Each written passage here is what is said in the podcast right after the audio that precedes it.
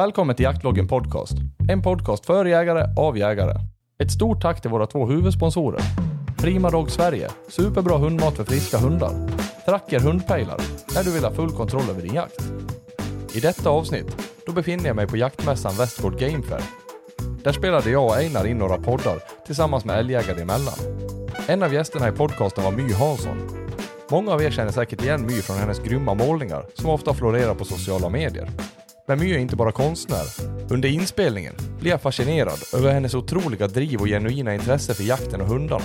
Och innan vi kör igång med podden så vill jag bara nämna att vi befinner oss mitt i ett mässområde på Westgård Game Fair med tusentals besökare som passerar. Därav kan ljudet avvika från det normala. Och även om jag vill presentera bra ljudkvalitet så hoppas jag att innehållet överväger ljudkvaliteten just i detta avsnitt. Nu kör vi igång med podden. Jaha, då var vi på det igen. Jajamän, jajamän. Någonting jag noterade är att Krille inte är här nu heller. Vet, han är alltid, det är som en fri fågel. Jajamän.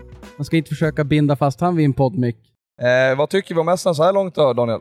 Ja men det är ju jävligt skoj. Träffar jävligt mycket människor. Nu var det två svordomar i två meningar för din Ja del. men det är för att jag har druckit öl. Ja. Här kommer My Hansson också och Ja. det är ju gästen för det här avsnittet. Och My, du kan ju sätta dig i någon av de stolarna och då är det en liten fälla där. Rasmus ramlade baklänges när han satt sig där. Så nu ska vi hinna filma också.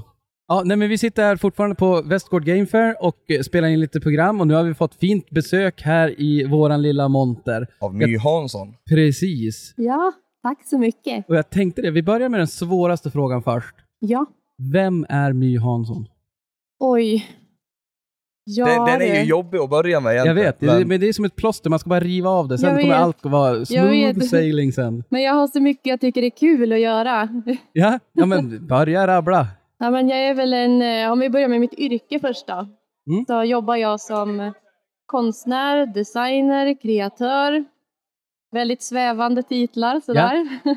Och kreatör, vad, eh, utveckla det lite grann. Nej, men jag tycker det är kul att göra saker. Jag är kreativ. Så vare sig det är konst, det är design, det är film. Jag är väldigt intresserad av det. Skapande. Precis. Och du står ju som utställare här på eh, Västgård. Ja, just det. Och vad är det du ställer ut? Jag ställer ut som företagare med min konst och mina muggar, mymuggen. Och sen är jag här som föreläsare och pratar om eh, dressyr, jakt med stående fågelhund. Jajamän. Mm. Och det är lite de bitarna som vi ska prata om här idag också. Muggar, ja, men vad muggarna. roligt. Eh, bara muggar. Bara muggar. Nej. Men om man är nyfiken på din konst, eh, vart, hur, vart hittar man den? Eh, här på mässan. Ja, ja det här kommer vara slut. Alltså, det ja, kommer jag vet, det sändas här kommer ju vara efteråt. slut. Ja, Det är precis. kört för de Ja. som lyssnar på det här. Det är Nej, över. men... Nej, men jag har mycket sociala medier. Facebook, My Ja. Kind of Art. My kind of art. Ja, Instagram, myhansson understreck art. Ja. Eller min hemsida webbshop myhansson.com.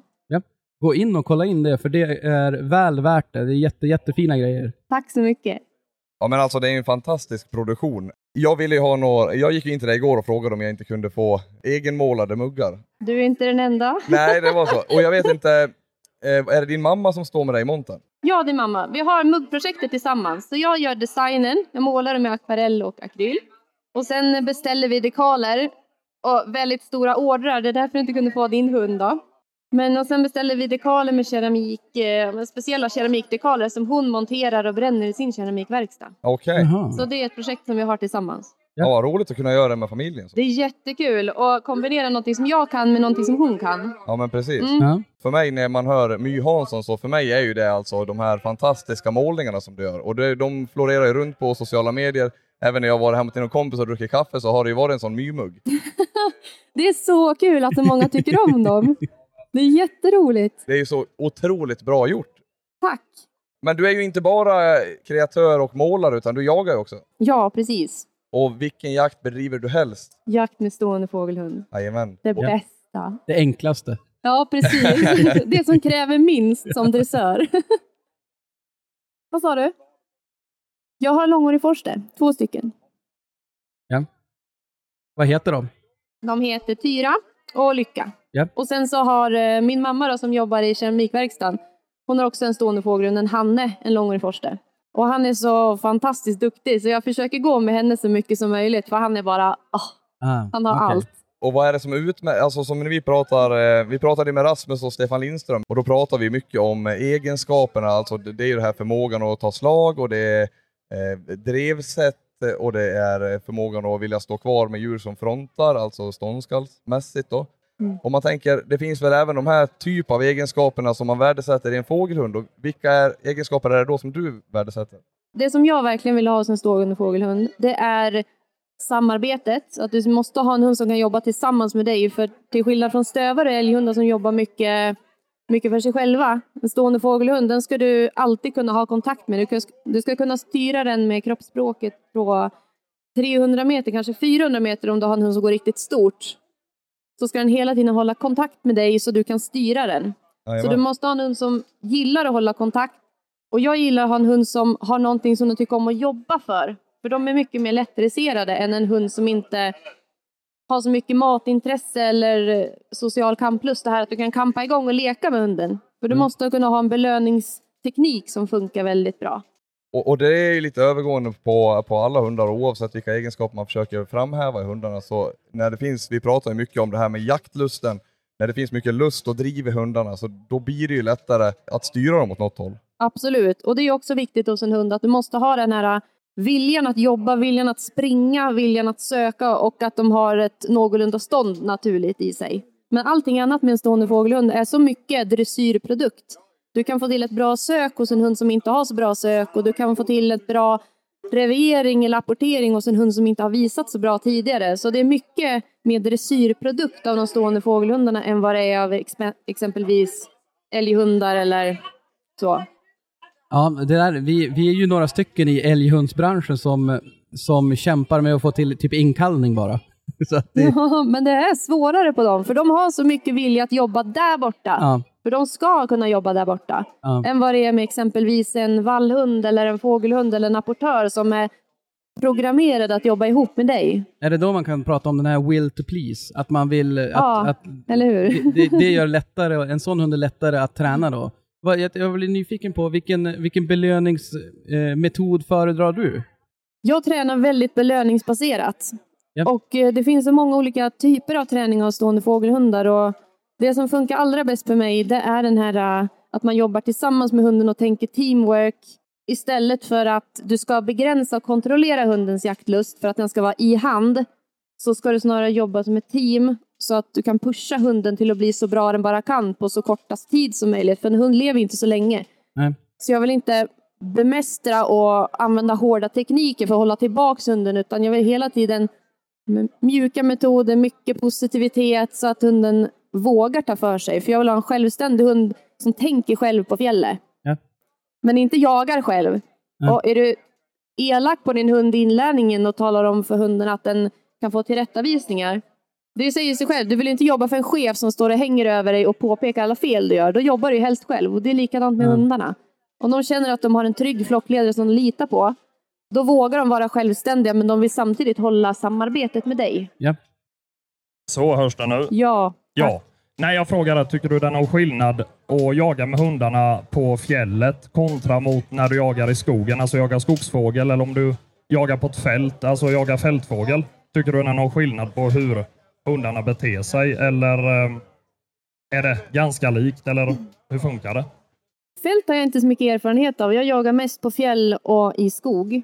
Ja, Men i okej. skog så är det extra viktigt att du har en hund som håller kontakt med dig för att ofta så ser man den inte lika, alltså lika långt bort. Så där är den här kontakten ännu viktigare.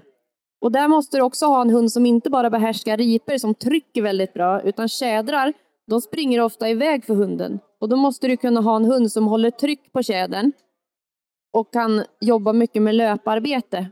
Och där är det viktigt att du kan se skillnaden på om hunden har en löpa eller om den står. Så du kan vara med och mana på hunden så att den går hårdare. Den måste, den måste kunna gå hårdare i skog för att du ska kunna få fågelkontakter eller få, Ja. alltså, situationer där du kan skjuta. Men det låter som det är svårare att jaga i skog då? Ja, det är jättesvårt. Och Ja. Jag ska tipsa om en kille som ni ska prata, som ni ska prata med för att eh, han Ja. är mycket bättre på skogsjakt än mig. Ja, ja nej men absolut. Vem är den personen? Peter Nilsson, han är här och håller föredrag. Jajamän. Jätteduktig. Han går runt här med kortåriga forste. Ja, ett gäng. Han är Ja. jätte, jättebra. Så fjälljakten, det kan ni ta med mig, men han Jag kommer bara göra bort mig för han är så bra. Ja, Jag kan, ju, jag kan ju ingenting om fågeljakt överlag. Alltså du vet, jag, jag är helt... Men det är jäkligt fascinerande på hur duktiga hundarna är. Alltså jag, jag brukar alltid tänka att det måste ju vara det, det, måste vara det svåraste för hundar. ja, jag tror det. Jaktmässigt så tror jag det. Men Ja. Det är väl bara för att man håller på med det själv och man vet svårigheterna. Ja, jo men och, och jaga en räv, det vet vi alla, det är ju hur enkelt som helst. Men, men eh, älgjakt och fågeljakt är ju svårt, så det kräver ju... Nej. Men det är så, du kan skjuta fågel för en rå fågelhund också som du inte har gjort så mycket med. Men du kan komma så mycket längre och det blir mycket mer effektivare och rogivande och kul om du lagt tid på dressyren. Ja, Men det är ju klart, alltså när, när, du får, när du sätter de sakerna, det är precis som eh, vi pratar om egenskaperna också, när man är någonting man har jobbat för. Mm. När man har jobbat fram egenskaper i hundar som man säger att man har dåligt sök på en hund, eh, Krille har ju hälleforsare då, Ja. men eh, om man till exempel har dåligt sök så kan man ju faktiskt jobba fram saker och ting och när, när de sakerna klaffar så blir det så mycket roligare att jaga med hundarna. Ja, men precis. Ja, det är ju det som är, det är därför man håller på, höll jag på att säga. Att man Men- gör de här små framstegen och att man, man hela tiden ser både i, i hundens egenskaper, men också om man då, alltså en, när man lyckas med inkallningen och man har stått och trälat med det där och tränat och tränat och det funkar. Och det kan jag tänka mig att det måste ju vara väldigt, men, men när du tränar eh, dina hundar, hur Mm. tränar du dem då? Alltså rent praktiskt, vad gör du? När jag får hem en liten valp Ja. så ser jag först hur, eh, ja, men hur valpen beter sig, vad det är för typ av hund, vad jag behöver jobba på, har den apporteringen naturligt eller är det någonting jag ska lägga tid på? Mina hundar har eh, haft apporteringen ganska naturligt från början så jag har inte lagt så mycket tid på det. Utan det jag har frågat mig själv att vad behöver jag hos en hund? Det är att jag vill ha trevligt när jag är ute och jagar. Jag vill inte hålla på och skrika på hunden. Mm. Så jag baserar hela min träningsteknik på att det ska vara trevligt.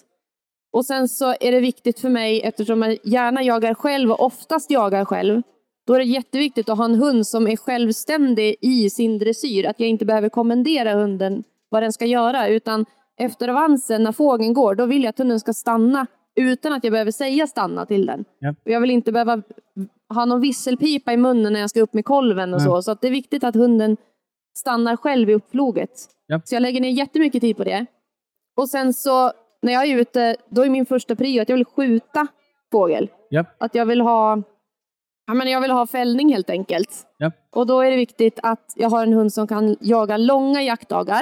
För jag är ofta ute tidigt och kommer hem när det är mörkt. Ja. Och då ska den mentalt klara av väldigt många fågelkontakter utan att koka över. Ja. Förstår du vad jag menar? Ja, ja absolut. Och därför jobbar jag belöningsbaserat. För en hund som vill stanna för fågel för att den tjänar på det, den kommer göra det även om den är högt i stress. Är- Är det vanligt att, eh, är det ett vanligt fenomen med fågelhundarna att de, att de slår över lite grann? Ja, och ofta så tycker jag att man ser fågelhundar som är... De, de blir väldigt taggade när det är fågel i luften. Och det du då går in som förare och gör, det är att du ser hunden, att den går upp i varv, den tappar kontakt med dig och då korrigerar du hunden och säger nej, sitt. Ja. Och det jag tror händer då, det är att hunden bara blir mera stressad, för den känner att du är arg.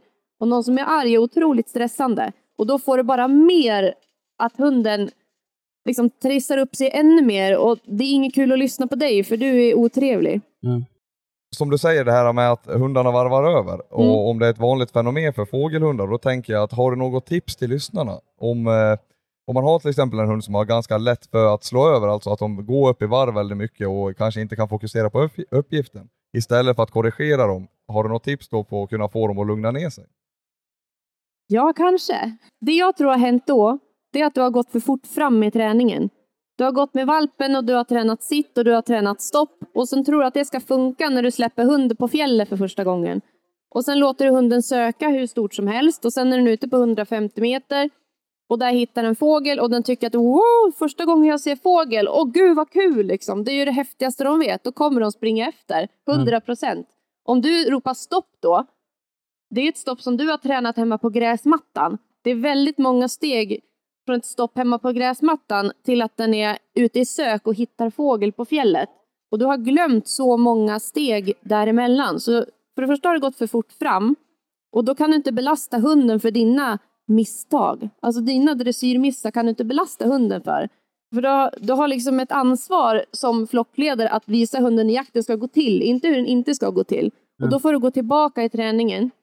Att du har tränat stopp, om det är nu så du tränar. Jag tränar inte så, utan jag tränar att jag lockar valpen med godis. Jag hittar någonting som hunden tycker är väldigt kul, som en forster. De älskar allting som går att tugga. Så då tar jag det absolut bästa hunden vet. En sko. Nej. En sko! ja, men om det är en sko får du träna med Ja. en sko. Det är jätteindividuellt. Ja. Det kanske är ripfjädrar eller det kanske är köttbullar. Men man ska hitta det som hunden verkligen vill ha. Ja. Och då sitter du där med en valp som är åtta veckor kanske, när du tar hem det, åtta, nio veckor. Och då har en hund som kommer vara på din hand och vilja ha det här, för då har du hittat rätt motivation. Men du säger ingenting, för du vill att hunden ska jobba sen på jakt när du är tyst, så då tränar du även hunden tyst. Utan du sitter och gör ingenting Ja. tills hunden tar ett steg tillbaka, för det kommer den göra till slut när inte det här funkar. Ja. Och då ger den en belöning. Så du belönar hunden du belönar hunden när hunden låter bli det den tycker är roligast. Och sen efter ett tag, då kanske du kan öppna den här handen. Så att hunden ser det här roliga framför dig. Om hunden låter bli det då, men då belönar du. Och sen kanske du kastar den här på golvet. Om hunden låter, låter bli den då, ja men då får du en belöning. Och då har du efter väldigt få träningspass fått en hund som spontant låter bli det den tycker är roligt. Utan att du säger någonting, utan att du har korrigerat den, utan att du har kommenderat den. Utan den gör det här för att den vet att den tjänar på det. Och sen successivt så byter du ut det här mot en visionsripa kallas det. Det är en, eh, ett fantastiskt hjälpmedel som Mattias Westerlund från Hundskolan Vision har tagit fram. Och det är som en ripdummy. Det ser ut som en vit smällkaramell. Och den här eh, är tänkt att ge hunden minnesbilder av vita saker i luften som fladdrar. Ah, Och då senare när hunden är van att du kan kasta köttbullar som rullar iväg för golvet, att hunden sätter sig för att den vet att den tjänar på det. Då börjar du kasta de här vita grejerna. Och då ser hunden det och då känner den igen sig. Och då börjar den sitta på det. Och sen så ut, du gör svårare och svårare och svårare för hunden men i korta, korta steg. Att du kanske ber en kompis kasta den här när han sitter bakom en buske så att du ökar avståndet mellan dig och hunden. Och då när hunden ser det här vita som flyger, då sätter den sig och du säger ingenting, utan hunden gör det av sig själv, utan du behöver bara belöna. Och så tränar du såklart in sitt och stopp och allt det här däremellan, men just den här självkontrollen tycker jag är jätteviktig med stående fågelhundar. Sen byter du ut den här äh, vita grejen mot en, mot en brevduva till exempel. Och då kan du placera ut den brevduvan i en uppflocksbur det är en sån liten låda som du kan styra med en fjärrkontroll. Så när du trycker på knappen då öppnas den här så flyger fågeln ut. Då kan jag placera den här äh, lådan där jag vet vart den är. Och så kan jag presentera hunden för fågel. Så de allra första fågelkontakterna med hunden blir jättekontrollerade. Jag kan vara där och belöna. Och hunden kommer känna igen sig i situationen och ha sett det här flygande. Och då är det mycket lättare att säga duktig, sitt. Än att den ser en fågel helt plötsligt för första gången att säga sitt. Jag hör My att eh, du är väldigt engagerad och involverad i, i dina hundar. Jag hör att du, du jobbar väldigt mycket med dem. Ja, men jag jobbar väldigt mycket med dem för att jag vill inte jobba med dem sen. Nej. Mina vuxna jakthundar, de vill jag jaga med. Jag tycker det är jättekul att dressera och jag lägger mycket tid på hundträningen när de är unghundar och valpar. Men inte när de är vuxna, för då vill jag jaga. Ja. Och jag vill inte finslipa stoppkommandon mellan jaktdagarna. För att jag tycker en, en dressyr som inte funkar under praktisk jakt, den, det måste du se över. Du ska inte behöva reparera hundens lydnad för att du har förstört den under jakt. Och, jag, och det är fel att belasta hunden då om den gör fel och springer efter fågeln när den är fem år. Du kan inte vara på och tillrättavisa hunden för det. Utan du får ju gå tillbaka till dig själv och fråga, okej, vad var det jag har gjort? Jag har gjort någonting här som inte har nått fram till hunden. Nej, jag måste få flika in där du säger liksom att du jobbar gärna med belöning. Hur viktigt tycker du det är att få avsluta, om man säger för en unghund, en helt perfekt fågelsituation. Du kommer fram, hunden står helt som den ska. Är det viktigt att få skjuta då? I början för en unghund? Är det ett viktigt inslag? Alltså, för det blir väl verkligen som en belöning? Det blir ju den bästa belöningen. Och har du tränat hunden att den vet att den ska stanna för flygande fågel, de här brevduvorna, eller att du har gått ut till dina waypoints på fjället eller på fältet och det funkar, då tycker jag absolut att du ska börja skjuta för hunden. Och gärna kanske ha skytt med det första året så att du verkligen kan se att det funkar. Jag tycker hellre lägga ett eller två år på att verkligen få till den här dressyren av fågelhunden och få en jättebra jakthund i 8-9 år, än att slarva och få en halvdan hund i 10 år. Ja. För det är så mycket som hänger på det. Ja, jo, nej, men det kan jag verkligen tänka mig. Och just att det du säger där med dressyr och att gör man jobbet, tar man de här stegen, det, har man tillbaka sen, som du säger, 8-9 år om man, om man har gjort, eh, lagt ner jobbet initialt så att säga. Ja, precis. Och sen eftersom jag inte har tillrättavisat min hund och hållit tillbaka den, att den hela tiden har byggt självförtroendet, jag har varit tyst, den har fått tänka själv, då har du en hund också som mycket fortare utvecklas på fjället. För den behöver inte vara rädd för mig och ta kommandon från mig, utan den vet vad den ska göra. För de ska ju lära sig mycket själv också, precis som älghundar och stövare i olika men temperaturer, olika biotoper.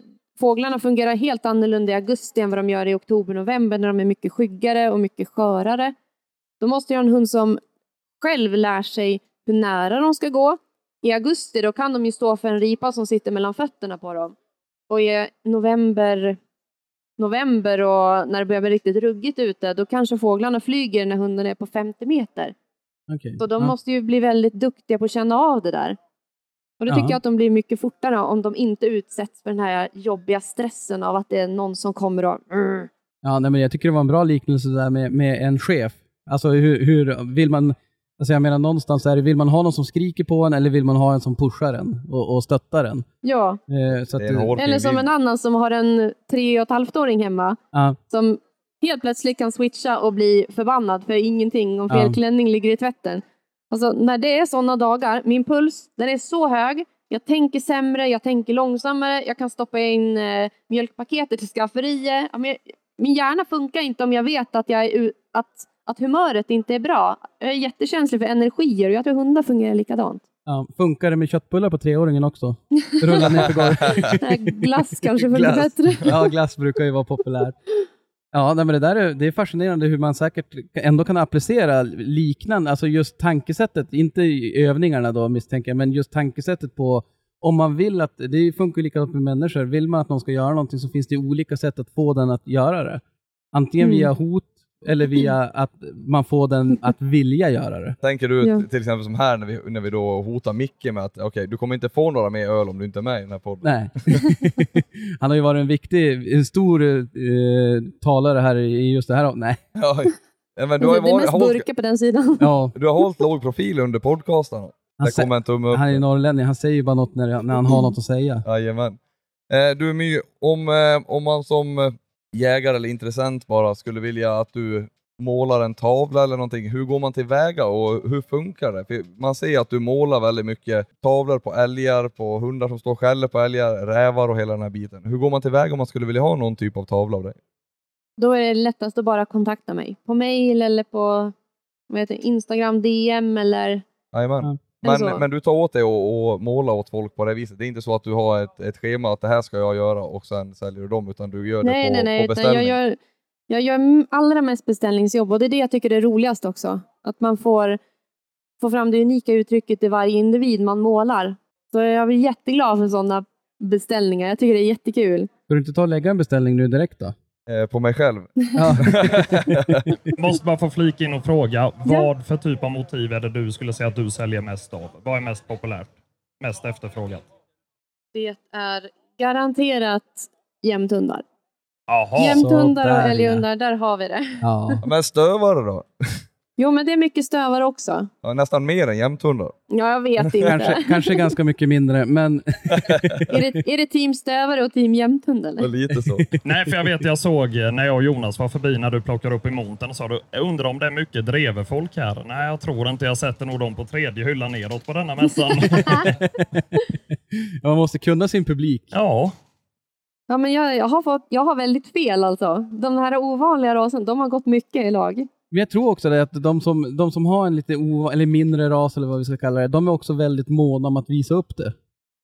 Ja, Alltså att man, man, det är ju som med hälleforsarna till exempel, att det, det blir ju väldigt mycket, ja, då så ser de dem ju mycket. men jag, men jag har ju också en liten ras. Långhårig forster, det finns inte så många långhåriga i Sverige.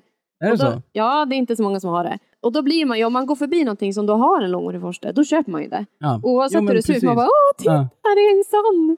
Det är till mig. Ja, precis. Men, men hur gör du, du säger att det är en liten ras, hur gör du då när du ska skaffa valpar? Är det, hur ser aveln ut? Är det, det är ganska liten i Sverige. Ja. Och anledningen till att jag har långhårig forster, det är egentligen att eh, mina föräldrar har en sån kennel. ah, så Och, då, eh, är- Så de har lite inblick och då har jag också fått inblick. Så jag vet, jag har gått ja, sett mycket av de hundarna på prov. Så jag hade en annan ras inbokad när jag skulle köpa hund för tio år sedan. Och sen fick jag reda på att den här tiken i Norge som jag har tyckt om så mycket, att hon skulle ha valpar. Och att de skulle paras med en tjeckisk hane som hade de här, äh, han hade, för långhårig de är väldigt allround. Du kan ju jaga, grä, de, de skäller, de ståndar grävling, de, men min äldsta hund hon träar tjädertuppar. Jag använder henne som avfångningshund på skadade rådjur. Ja, men de, de jobbar väldigt brett. De är bra på mycket men inte bäst på något. Okej, ja. Driver de med skall på löpan? Ja, i, i kanske de är kort, kort liksom som stöthundar. Så jag vet att jag har sålt valpar efter den tiken som är ja, men, duktig. Hon skäller ståndskall på vildsvin och hon ja, men det, är mycket, det skjuter mycket rådjur och älg för henne på, på kort driv. Ja. Då. Nej, men precis. För jag menar, en bra fårstäm måste man ju kunna få ut fruktansvärt mycket jakt av. Om man får den allround-hunden man kanske söker då. Man brukar säga att det är jägarens jakthund, alltså de som tycker det är kul med mycket. Ja. Och jag, har, jag är eftersöksjägare åt Nationella viltolycksrådet och sen så åt de lokala jaktlagen på klövvilt. Då. Ja. Men nu är det, så jag varit småbarnsförälder så tycker om att sova på nätterna, så nu är det mest fågel. Så jag funderar på någon brittisk hund nästa gång. Får vi se. Typ en pointer eller vad? Vad har du för planer? Ingen setter eller irländsetter eller någon, någon sån som är riktigt specialist på fågel. Jag är jättenöjd med mina första på fjället. Alltså verkligen. Men det skulle vara kul att ha någon sån här riktig... ja men specialist. Ja, men, och Ja. testa det liksom. Testa lite nytt. Man, man kan ju inte bara låsa fast sig vid en sak hela livet. Nej, nej, nej. Är nej. det något speciellt? Fan, min röst den brister hela tiden. Eh, är det något speciellt som du skulle vilja få ut av att skaffa till exempel en, eh, ja, en irländsk setter eller sådär? Det jag Till skulle skillnad, vilja... från, till skillnad då från eh, dina forstrar? Ja, Det är för att jag tycker att om man köper en Forster och inte använder dem allround, då är det lite... Det är lite onödigt mycket jobb. Okej. För att de har så himla mycket hårvildsintresse och de har så mycket, de har så mycket go i sig. Ja, Och jag skulle vilja tona ner det till bara fågel. ja. Eh, då slipper man liksom rycka upp det med hålen. Och, Jo, men och framförallt om man, då, om man då kanske bara vill jaga fågel, då är det ju som, ja, som du säger, då är det ju, då är det ju kanske läge att köpa en, ja men en setter eller någonting. ja, precis. Och som den yngsta forsten jag har, hon har inte det här hårvildsintresse. Fast hon är en valp efter min äldsta. Jaha. Så hon, ja men visst, jag tror att hon skulle hänga på rådjur om hon fick det. Men hon har inte det här, jag skulle aldrig släppa henne på ett skadat rådjur för att hon, hon skulle gå och ta typ i baken eller i buken. Okej. Den äldsta, då brukar det bli ett bett i bakben och sen sitter hon i halsen. Men den lilla hunden, hon har inte dådkraften till det. Och då tänker jag, men nej, men, och hon har ju bara blivit fågelhund. Och hon är ju väldigt, rätt ointresserad av, men, ointresserad av att bära räv till exempel, ointresserad av allt det här andra. Ja. Och det har varit så kul att ha någon som bara av fågel, för det blir så Ja. lättare på något sätt. Ja, jo, nej, men det kan jag tänka mig. Alltså det, det, förstår jag verkligen. Mm. Så att, men det är en ny hund på G alltså? Det låter lite grann som så. Ja, men nästa år kanske. Nästa år? Ja. Ja, det är klart. Har du en treåring hemma så är det ju... Ja, och sen har vi sagt, vi får, jag och sambon, vi får ha två hundar var. Och han jagar Aha, älg. Så han har okej. två jämtar och jag har två forstar. Ja, Ja. Han, har- han har inga hälleforsar alltså? Nej, han är, han är Men hon jämtar. sa ju det, hon, han jagar älg. men, men han har sagt det, för jag sa, men det gör väl ingenting om vi har pensionärsforsten som bara går hemma och skrotar. Men det var, hon är den jobbigaste hunden jag har. Hon är jobbigare än jämthunden som är ett och ett halvt. Ja, jo alltså det, det är ju det. det är ju, man tänker, ju- jag tänkte alltid så förut. Det bara, men om man har en, två, har man två kan man lika gärna ha tre. Har man, alltså, någonstans måste man ju dra en gräns också. Du kan ha fem spetsar på en forste, Är det så? typ. Det ska jag säga hemma. De är, de är söta som valpar och sen blir de som sån här äh, dinosaurier som är velociraptor. Du vet Jaha, som på Jurassic ja. Park. De bara, så blir de så tills de blir typ tre och sen blir de okej. Ja. Men du är ju någonting som jag reflekterar över när vi sitter och spelar in den här podden och hur du pratar om dina hundar och hur du jobbar med dem hela den här biten. Man märker ju att du är ju en person som, som verkligen jagar för att du gillar jakten. Ja men det är ju, var, varför skulle man annars jaga då? Nej men precis. Men, och Ja, jag menar att... jag, det, jag, jag kan flika in där, det är ju faktiskt ganska många som gillar, alltså att man är så här, kanske mer åt hundmänniska än jakt. Och så sen gillar man hund alltså, som jagar och då att man på så vis. Jag tycker det känns som att eh, du är lite kanske mer åt det hållet att du gillar jakten och då är hundarna, och det, det är där, alltså det kanske är lite mer jakt än hund. Även fast du älskar hundarna. ja, det, var, det var inte det spåret som jag var, var inte på väg in på. på. Nej, det var det inte. Men om man kollar på hela den här sociala mediebiten som är eh, extremt eh, hypad idag. Vi, vi har ju pratat väldigt mycket om det här med att göra jaktfilmer och annat. Folk som kanske inte har den kunskapen att lära ut. eh, vill gärna göra det ändå. Och så eh, gör man till exempel jaktfilm och sen kanske man eh, presenterar saker som inte bör, bör presenteras. Eh, och man bara gör allt det här för att det finns en kanske ekonomi, det finns alltså sponsor, man är intresserad av att bli känd och hela den här biten. Det finns mycket sånt inom jakten, eller kanske inte jättemycket, men det, det finns där. Jag blir så, eh, jag vet inte vad jag ska Det säga, känns religiös. genuint. Ja, du känns väldigt genuin inom jakten, att du gillar verkligen jakten och hundarna, att det är det som är ditt prio.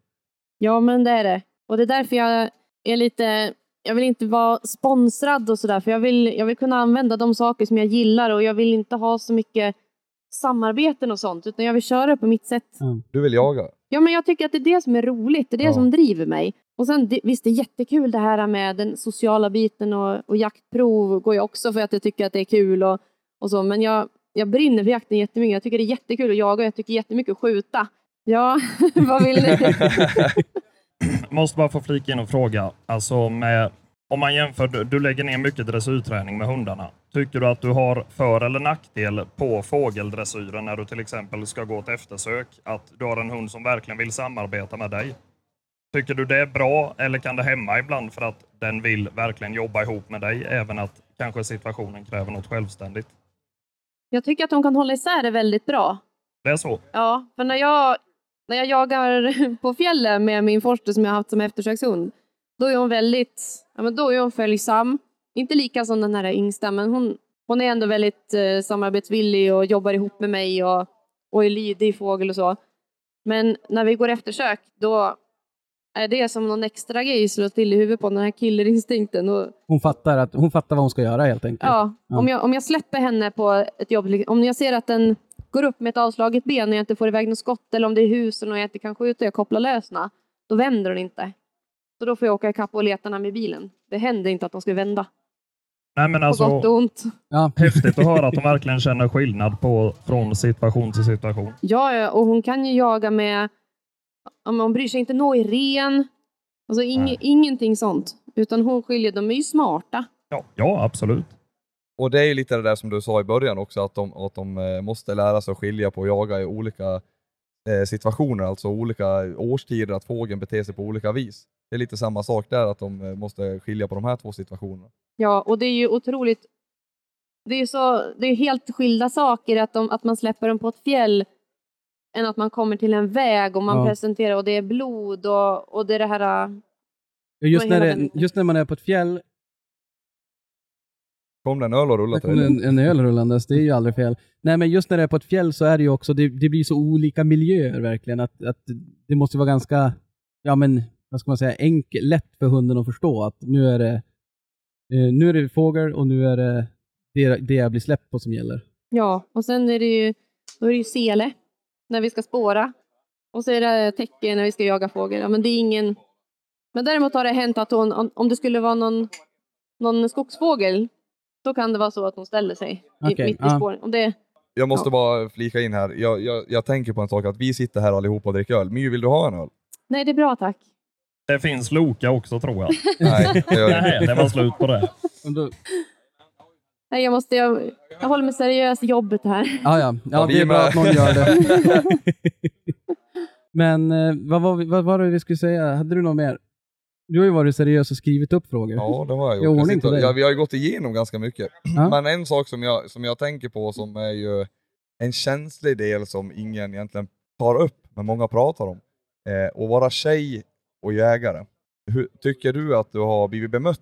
Har det liksom varit någonting som har hämmat, eh, hämmat dig? Eller är det någonting som du känner att du kanske har blivit särbehandlad i vissa situationer? Att eh, du har en fördel av att vara tjej? Det är väl snarare så att jag får frågan att du är ju verkligen jaktintresserad. Jaha, att man blir förvånad för att du är Ja, men tjej. lite. Hade ni ställt den frågan till Rasmus till exempel? Om man, om man hade varit tjej, ja. Nej. Du, Rasmus, du är ju kille. Nej, men och det, det, är ju, det där är ju, det är ju därför det, frågan i sig är ju lite halvt känslig, för att, att man ens ska behöva ställa den vittnen om att kanske inte allting alltid är som det ska enligt mig. Alltså det ska ju inte spela någon roll om, om man är kille eller tjej. Nej, men en anledning till att jag inte ställer den frågan till Rasmus, det är ju att om, om du kollar på Jägarliv till exempel, om, om du hade lagt upp att nu har jag skjutit mitt första rådjur så får du en kommentar och en like och sen om då eh, My som är nyexaminerad jägare också lägger upp eh, samma bild på ett rådjur där hon har skjutit så får hon 2000 likes och 500 kommentarer. Det är skillnaden och det är, där, det är där, Mm. därför jag undrar. Och Jo. 500 privata meddelanden. Hej hej. Ja, jo, det... Ja, men lite, lite så är det ju. Och det kan ju vara, det vara tröttsamt ibland att alla förutsätter att man, ja, men man kommer, jag vet, jag var och sköt med en, med en kompis, vi skulle testa lite olika mål. Ja. Och vi känner ju ändå varandra. Ja. Och sen så skjuter vi och sen så helt plötsligt ut, men du kan ju skjuta. Jag bara, men varför skulle jag inte göra det? Ja. Jag, jag, håller, jag har ju hållit på med det här i flera år. Varför skulle jag, varför skulle jag Ja. inte kunna skjuta för? Nej, Ja, nej, men li, det- lite mer sådana. Men sen så sen tycker jag att ja, men, det finns ju mycket säljgrej med tjej i den här Mm. världen. ja, Ja, men, alltså, det, den finns ju liksom, i- det finns ju överallt. ja, Men man får ju välja om man vill haka på det eller inte. precis. Ja, ja, nej men så är det ju. Och, och så sen att, eh, jag vet inte, för mig, jag tycker det känns som en generationsgrej också. Jag tror att det blir bättre och bättre. Hoppas jag. Eh, för, för jag, om jag ser till mig själv, så för mig spelar det ingen roll om, om det är du eller om det är Rasmus som sitter där. Alltså det, jag är ju intresserad av att prata med dig för ditt kunnande. Det var ingen pik till er att nej. det där förut. Nej, nej, nej men alltså, för mig är det verkligen en icke-fråga på så vis. Mm. Men jag kan tänka mig, jag tycker ändå frågan är befogad för att jag kan tänka mig att, ja men som du säger med, med kommentarer och likes och allt sånt där, att det, att det är ju, där ser man ju verkligen att det är ju ganska stor skillnad. Det, där skulle vi nästan gjort ett test och säga så här, ja men jag, sök, eh, jag söker jakt.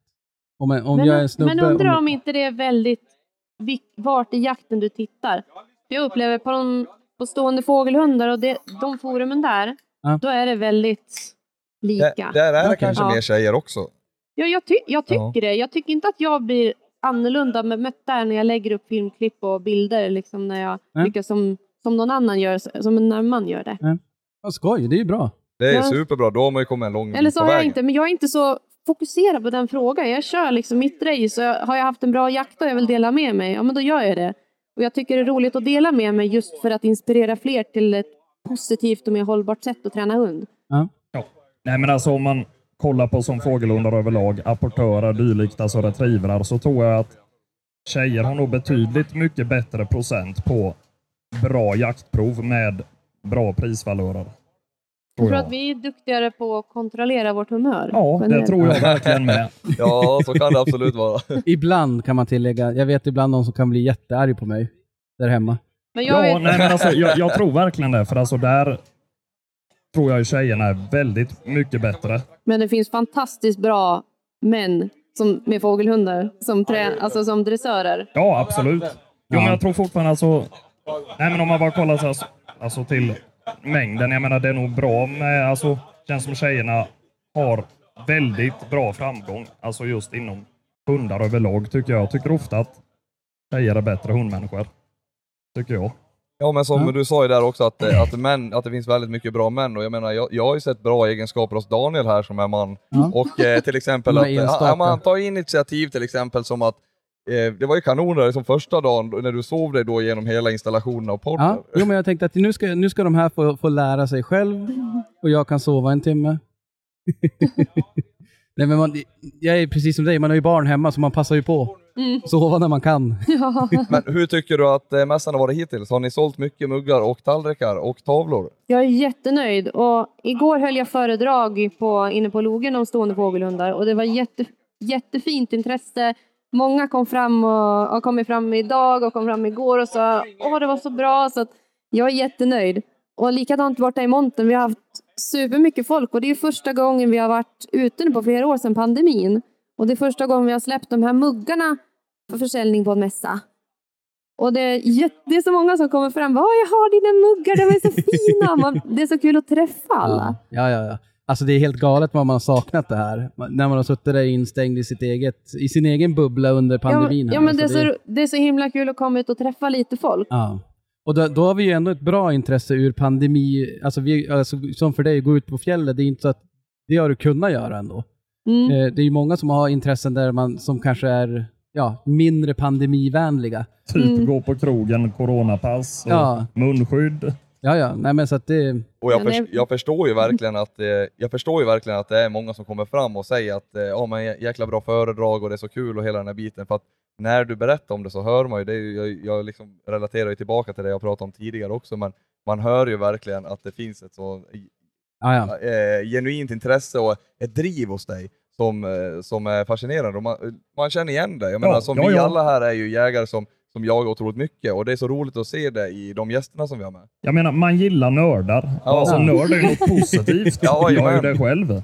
Ja, ja. Nej, men, Eller vi alla är det. Men jag menar, det är ju så jäkla kul. Alltså Ja. när det är någonting man bara, detta ska Absolut. man hålla på med. Och framförallt stående fågelhundbiten som eh, vi var och badade i morse här. Det var ju förbannat varmt i. Kallsjön. jag förstår varför den heter kall. Ja, jag med. Men då träffade vi några stycken som, eller vi träffade två stycken som eh, hade stående fågelhundar. Och det var att vi började prata med dem på väg tillbaka. Jag är ju väldigt intresserad i just den här typen av jaktform för att eh, det kräver så mycket eh, arbete bakom hundarna. Och det är någonting som är helt nytt för mig. Inte arbetet bakom hundarna, men det är väldigt nytt för mig med stående fågelhund. Ja, men det är ju en dressyrteknik som det kräver mycket av dig för att det Mm. ska lyckas på fjället. Jajamän. Och ju mer tid du lägger ner på hunden, desto tyngre ryggs- ryggsäck får du med dig hem. Ja, och jag menar, men det, det måste ju också fortfarande vara väldigt mycket genetik i det för att även hur mycket dressyr du än lägger så måste du ha ett grundämne att börja med. Ju. Liksom det, det finns ju där från början. Ja, men de, ska, de ska ha stånd där, annars är det ju svårt. Och de ska inte vara skotträdd. Men annars så har du, har du det och en hund med driv, då kan du påverka den väldigt, väldigt mycket. Mm. Nej, men det är det som är så roligt, för jag vet jag hade en kompis som hade en pointervalp, vad var den, 15 veckor då kanske. Liksom jag såg när den gick uppe på en uppvuxen åker, jag menar den stannade liksom, alltså stod för, det kom någon fluga och satte sig, Mm. Bara frös. Flög förbi någon sädesärla, satte sig, bara frös. Nej, men det var så sjukt häftigt att se liksom där, man såg ju verkligen en, på en sån liten valp som inte gjorde någon nytta överhuvudtaget, men liksom genetiken var där för den bara frös. Bara ding. Ja, men när jag hade min valpkull, Ja, då var de fem veckor när de började stå för, för flugor. ja. Fem, sex veckor när de blir så här, och de är så söta då, Ja. för de vet inte vad de gör. Då bara, och så, Undra, titta, undra och varför så jag tittar gör det här. de bara, tittar på mig bara, vad är det som händer? Vad är det jag gör för någonting? Men det är så häftigt att se det. ja men, och det, det är ju så sjukt medfött. Och det där berättade ju Bula när jag, när jag spelade in en podd med han också, att det är ju så jäkla roligt för då hade han en stövare som, och den var ju också väldigt ung, och sen for den iväg och det hade väl gått någonting där, det kan ju vara folk eller vad som helst. Och sen var det som att den slog ett växtskall och sen var det som att den kom på sig själv. Mm. Vad gjorde jag för något? och liksom det sitter så jäkla eh, genetiskt i dem. Ja, men det är häftigt. Det är det som är roligt med olika raser. Ja, Ja, jag tycker det, är- det är jättekul att sitta och prata med dig. Även för, alltså jag, jag har ju jämthundar, så att just, jag kan noll och ingenting om fågelhundar. men men man, det är som ni säger här, när man hör det genuina och drivet och, och så, då, då vill man ju bara prata ännu mer. Ja, och det gör ju att de här poddarna gärna vill dra ut på tiden. Ja, men vi det är försöker helt- hålla ja, dem ja, lite. ja. Men jag tänker att eh, vi ska försöka runda av det, men jag har en sista sak och eh, det är ditt bästa jaktminne. Åh men gud vad svårt.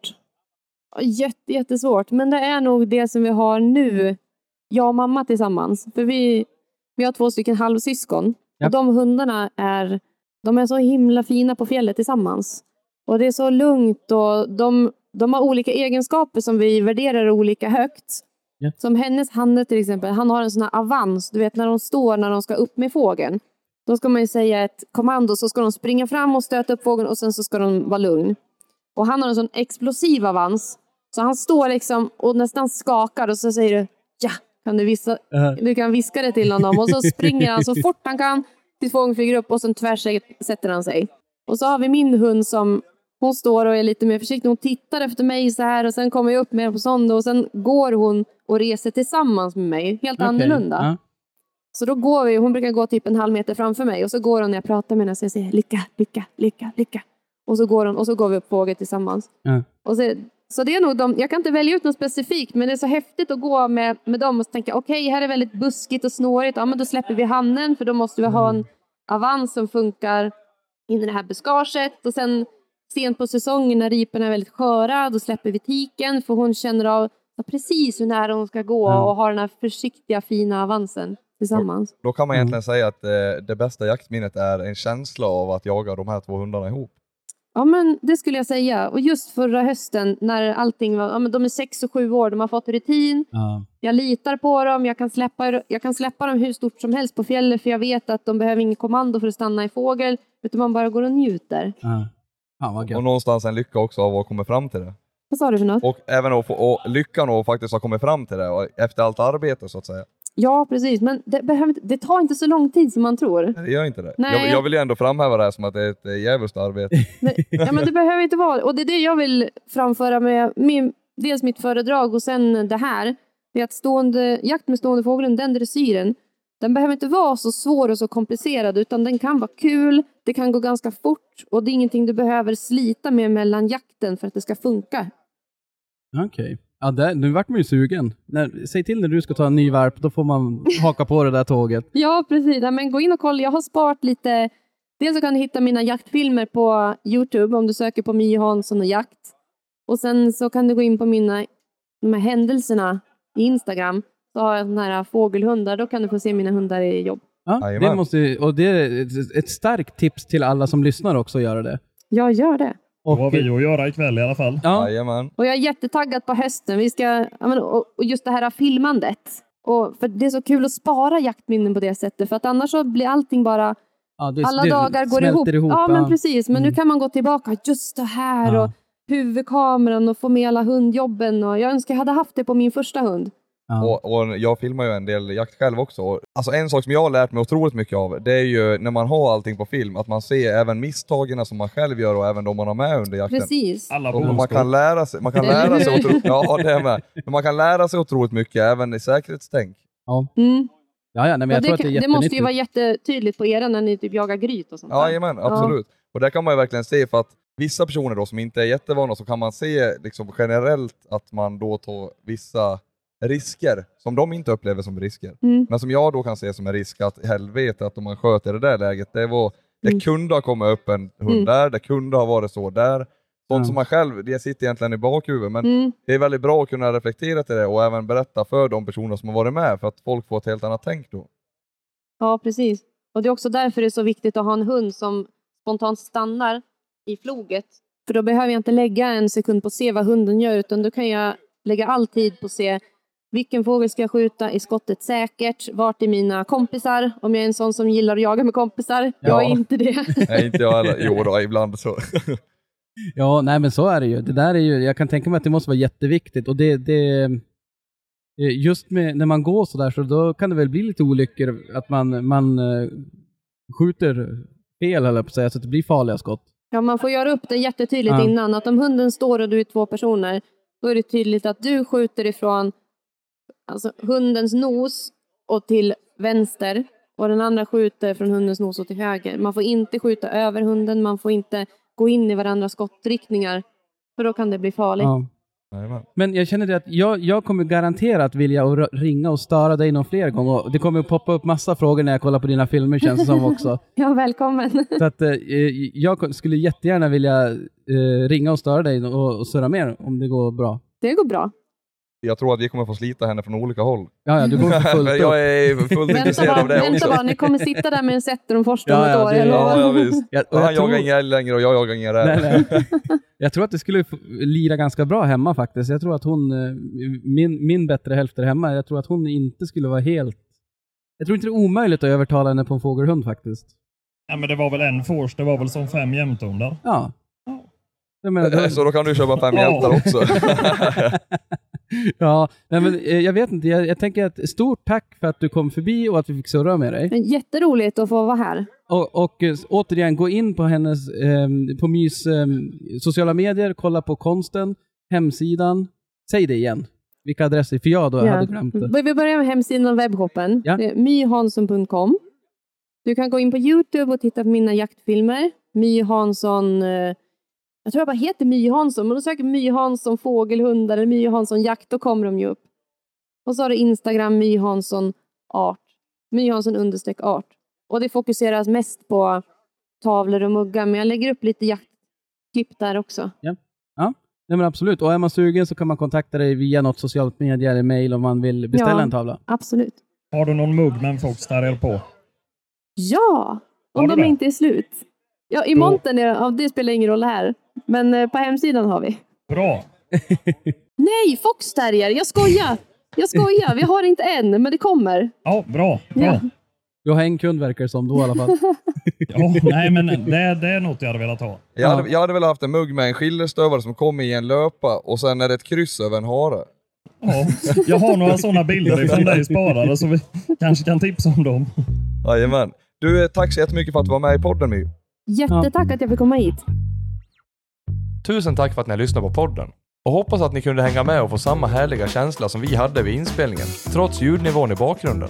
Och om ni vill komma i kontakt med My gällande målningar eller annat, då kan ni enkelt söka på My Hansson eller My Kind of Art på antingen Google eller Instagram. Och om ni gillar podden, glöm då inte att dela med er på sociala medier så vi kan nå ut till ännu fler.